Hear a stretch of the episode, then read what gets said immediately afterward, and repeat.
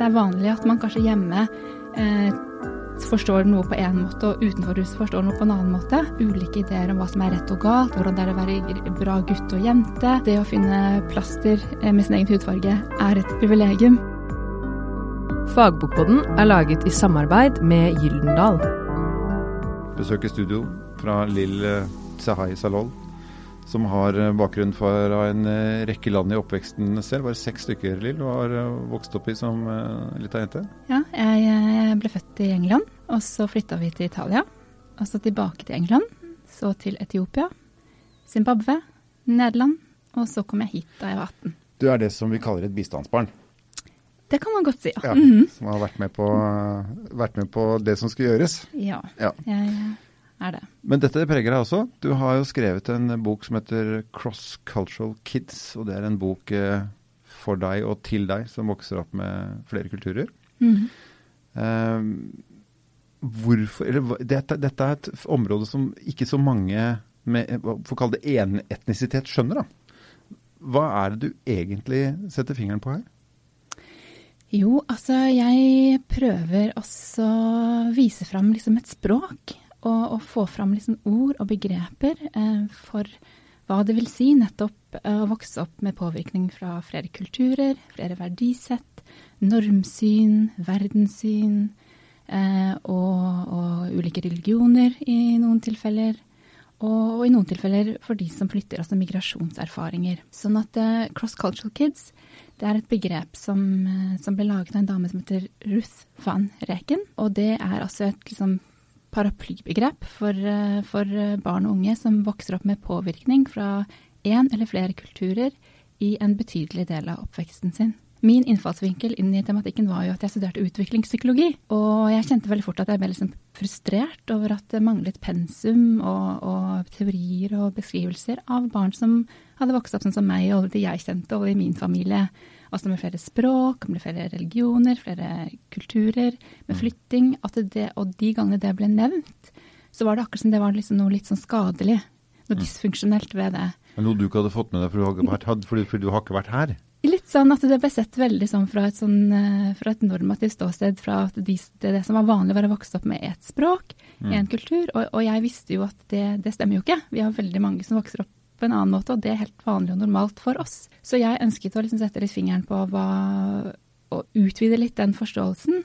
Og, og, grave litt mer i hva det er som er spesielt eller likt eh, ved denne oppveksten. Og vi alle setter jo selvfølgelig sammen disse bitene som vi vokser opp med, og som er naturlige for oss. Men det som ofte blir spesielt for de med krysskulturell oppvekst, er at de har um, en verdenserfaring, en liksom livserfaring som går på at de har f.eks. For forskjellige verdier rundt mm. seg. Ulike høflighetsnormer, ulike ideer om hva som er rett og galt, hvordan det er å være bra gutt og jente. Altså alle disse tingene som er med og former, og, og som for barnet og den unge er naturlig. Altså det er vanlig at man kanskje hjemme forstår noe på én måte, og utenfor huset forstår noe på en annen måte. Eh, men at det fort kan bli liksom utfordrende når andre begynner å grave og utfordre litt. Ja, men hvorfor gjør dere sånn hjemme hos deg? Hvorfor, hvorfor kler moren din seg sånn? Hvorfor kommer ikke foreldrene dine på foreldremøter? Eller hvorfor snakker du så rart? Eller hvorfor har du med den maten? At det blir en sånn evig skal jeg si, angjøring ofte, da. Mens andre, som f.eks. barn av, eh, av, forsvarsansatte eller misjonærbarn, eller de som har et utseende som blender mer inn i majoriteten Når de kommer tilbake, de kommer tilbake etter en flytting mellom mm. land, de mm. kan jo føle at de, de, de ikke helt får den samme tabbekvoten, mister liksom tabbekvoten. Da, ikke sant? At de mangler eh, sosial og kulturell forståelse. Uh, også, ja, fordi de er ikke så tuna på hvordan vi gjør det her i de, de små detaljene? Nei, de har mista liksom de, eh, de, de, referansene som var, eh, var den populære sangen, eller skolegårdsleken, mm. eller uh, popsangen, eller rappsangen som er populær akkurat da, eller sånne ting som er sånn kjempeviktige i, i samtaler med andre jevnaldrende, ikke sant. Og så de, kan de miste det. Og, og hvis de da viser at ikke de forstår, eller ikke vet, så blir det ubehagelig. Det er mange som sier sånne ting som at det er det føles som at jeg faller ned i et dypt hull. Eh, at eh, jeg har mista noen år av mitt liv. For det, er veldig sånn det, det, går rett på identiteten. Og følelsen av hvem, hvem, man er, og den man tror man er. Og så får man det liksom utfordret. Men jeg, jeg synes jeg liksom lurer på hvor problemet egentlig ligger. Fordi at eh, når noen får inn en fugl da, som har vært og fløyet et annet sted, så har jo den fuglen impulser og erfaringer og eh, kunnskap som man ikke har når man har vært ett sted. Så virker det som at det blir et problem for fuglen. Og ikke, for, ikke, en, ikke, ikke, ikke en berikelse for dit den flyr til. Hvorfor er det sånn? Hvorfor er ikke vi nysgjerrige framfor Altså, hvorfor oppstår konflikten? Altså jeg tenker ut ifra de jeg har snakket med og det arbeidet jeg har gjort, er at veldig nøkkelen er liksom anerkjennelse. At uh, i, som du sier, en nysgjerrighet, en reell nysgjerrighet, uh, hvor man stiller spørsmål uh, til denne personen om hvor man har bodd, hva man har gjort, hva man har lært, hva man kunne der, som, hvordan livet var der. Mm. Så, og så lytter aktivt uten å kommentere eller dømme eller miste interessen, som jeg tror ofte ofte skjer, for det virker så eksotisk og annerledes og rart at man ikke helt klarer å forholde seg til det, ikke sant, det som kan komme. Men heller gi en anerkjennelse av at oi, hei, det du kan, det er faktisk innmari bra. Og selv om det eh, kanskje ikke er eh, helt eh, matcher Det at du kan Zimbabwes nasjonalsang, matcher kanskje ikke helt at vi i dag skal, skal synge Ja, vi elsker. Mm, mm. Så, så, er det allikevel en, en, en ferdighet der. Og det er liksom for meg noe av det viktige, er at vi snur det der problemfokuset, elendighetsfokuset, til å se litt mer på hva er det for slags styrker. Hvilke ressurser er det som finnes i en sånn type oppvekst. Jeg tror at vi eh, må gjøre noe med måten vi, vi forstår vi og oss. At vi må liksom erkjenne at vi er allerede mangfoldige. Vi er allerede flerkulturelle, flerspråklige, flerreligiøse. Eh, vi, de, vi, er de, de er oss. Mm. Vi har sett det veldig i disse ukene og månedene her med pandemien, hvordan alt henger sammen. Eh, og jeg tror det også er noe av nøkkelen til å se ressursene hos krysskulturelle barn, er nettopp det med å forstå at for en eh, ferdighet, for en rikdom som ligger i de som er eh, født og oppvokst med impulser fra flere steder, som er vant til å tenke utenfor boksen, finne løsninger, finne kompromisser, se motsetninger, eh, setting, forklare saker fra flere sider. Dette er den type mennesker vi trenger i den tiden vi lever i. Altså med mm. klimaendringer, med pandemiutbrudd, altså det, alt det som skjer rundt oss. Vi trenger folk som, som har, har, dette mangfoldet med seg. da. For ikke lenge siden så eh, gikk det et stykke på Nationaltheatret som het 'Krenket'. Mm. Eh, med en uh, utgangspunkt pakistansk hovedrolleinnehaver, Asad Siddiq. Eh, noen av kritikerne, kjente kritikere i Norge, sa at de ikke forsto problemstillingen i hele stykket, som handler egentlig om det du snakker om. Mm. Hva forteller det deg når eh, oppegående, solide kritikere i Norge ikke forstår et stykke på vårt eget nasjonalteater som handler om dette? Det forteller meg Gammel Gammal problemstilling ble det kalt. Ja, det, altså det, det sier noe om hvor viktig det er å fortelle disse historiene og få opp disse perspektivene enda. Nettopp fordi at det som er gjenkjennelig for veldig mange kristkulturelle, er jo at de savner nettopp sine historier og seg selv representert, ikke sant. I, på, i, på, TV, i fortellinger, på Netflix-historier. Det kommer, mm. men det er sjeldent. Naturligheten, eh, den naturligheten i det hele. At mm. de kan være karakterer på film og TV uten å måtte nødvendigvis snakke om religionen sin eller hijaben sin eller den vanskelige bakgrunnen eller krysspresset eller mm, kulturkonflikten, men de bare kan være vanlige mennesker med helt vanlige problemstillinger også. sant? Mm. Eh, og det bare sier meg at det er veldig viktig at vi fortsetter å fortelle eh, alle disse historiene. fordi det, det, er så innmari mange av dem, og det er så mange nyanser. Mm. At de bare må opp og frem. Så Når du snakker om å gi et felles språk, mm. er det dette du snakker om da? Ja, det er det jeg snakker om. At vi, at vi begynner å snakke om dette, dette med privilegier, f.eks. Hvem er det som er privilegerte i samfunnet vårt? Eh, hvordan kan vi forstå at det også ses, kjenne seg selv igjen i pensumbøkene på TV, i, eh, i bladene, i avisene, blant uh, kjendiser eller mm. politikere, at det er et privilegium.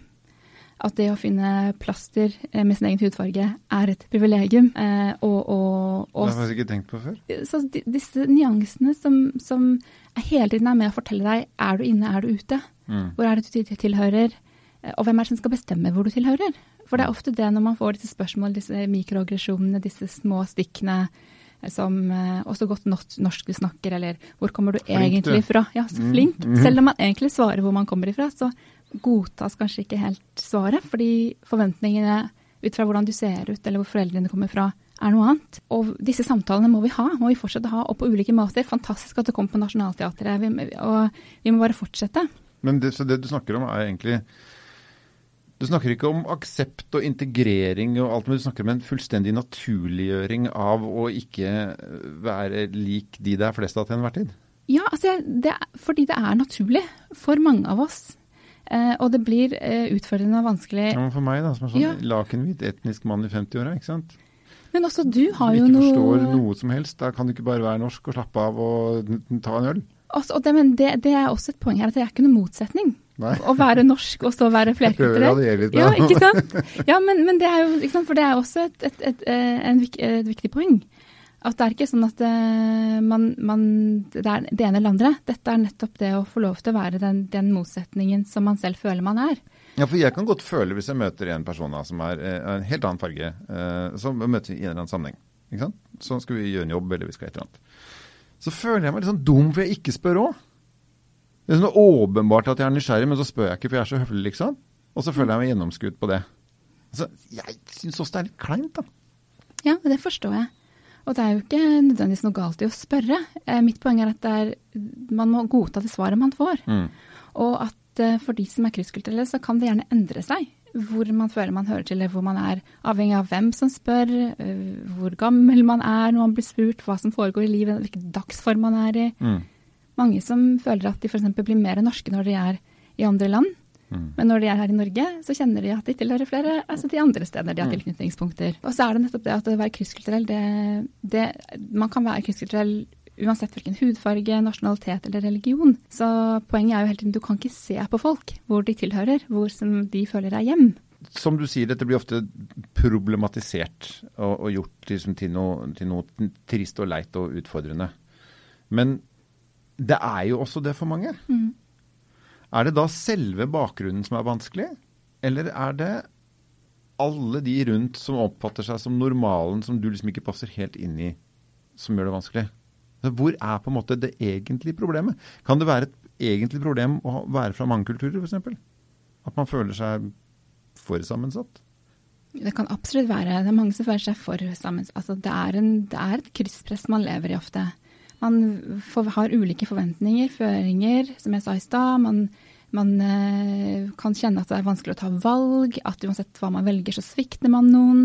At eh, man kanskje må leve dobbeltliv fordi det er veldig strengt eh, å ikke oppføre seg på den måten eller på den måten. Og det er klart det er store utfordringer. I tillegg så kan mange leve med migrasjonsstress, altså dette med ulike påkjenninger etter flytting, enten det er ens egen eller det er foreldres eller familie som man på en måte får i arv. Et press om å leve opp til noen drømmer og ambisjoner som familiemedlemmer har hatt, kanskje. Plikt, samvittighet. Altså tingene kan være store, og det er utfordringer, helt reelle. Men jeg tror at å få et språk, å få noen ord, og begynne å reflektere, er til hjelp. Å prøve å få opp disse samtalene både med seg selv, men kanskje i venneflokker, i familier, og så samtidig begynne å se at i disse utfordringene, eller hånd i hånd med utfordringene, så ligger det også noen styrker og noen ferdigheter som er viktige, og viktige for at, at, samfunnet også skal se. Men jeg tror at utfordringene også forsterkes i stor grad av nettopp det du sier. At man, får, blir, man blir annengjort. Man får disse spørsmålene. Hvor kommer mm. du egentlig fra? Folk mot en såkalt normal. Ja. Så, mm. Selv om du føler deg at du har helt for, et helt avklart forhold til at du kommer fra Norge og er norsk, siden Norge er vårt utgangspunkt her, eh, så, så er det ikke alltid andre aksepterer det. Og da forsterker det utfordringene. Da blir du diskriminert mot Noen tar definisjonsmakten fra deg. Mm. Enda, enda, utlandet er uendelig mye større enn Norge. Er jo, vi er jo egentlig minoriteter her i verden. Hvis du skal peke på noen fordeler ved det, mm. altså hvis du er et krysskulturelt barn, da, enten mm. det måtte være 90 eller 5, mm. eh, for det er det samme. Uh, er det noen fordeler med å være det? Er det mange som ser på seg selv i speilet og tenker at dette her har jeg som en del andre ikke har? Altså, kan jeg bruse litt med noe fjær? Det er litt det jeg håper, da. At folk kan gjøre mer. Mm. Uh, fordi f.eks. for eksempel, da, en typisk fordel er jo å være flerspråklig. Mm. Og med det så mener jeg ikke nødvendigvis bare å kunne snakke flere språk flytende, men man kan kanskje forstå flere språk, eller man har kanskje et delspråk. Eh, man kan snakke ett språk godt, men man forstår flere språk. Eh, så det er ikke, når jeg sier flerspråklig, så mener jeg ikke bare at man skal kunne flerspråk flytende. Det er, det er nyanser der også, mm, mm. men det er uansett en, en, en, en, ferdighet. Du skjønner hva som foregår uten tekst på TV? Ja, ja mm. og det er ikke alle som en gang har tenkt over at oi, det er faktisk en ferdighet jeg har. Det er, mm. det er ikke alle som har tenkt over det. Mm. Så er det dette med interkulturell kommunikasjon.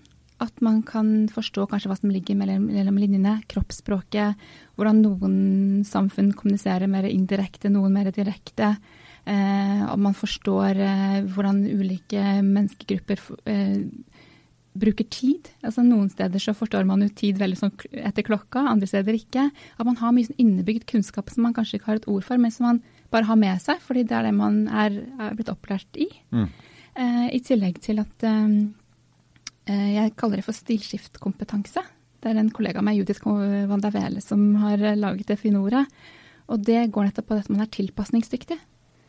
Man skifter mellom ulike sammenhenger. Man går inn i en situasjon, går inn i en situasjon med ulike mennesker, og man bruker antennene sine.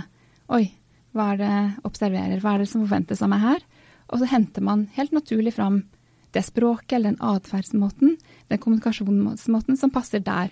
Og så kan man gå inn i neste rom og så kanskje hente inn noe annet. Og det er veldig mange som observerer krysskulturelle barn som syns at det er veldig rart å se.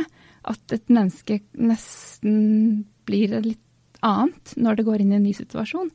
Og, men at det ikke handler om at man er falsk, men at man faktisk er alt dette på en gang.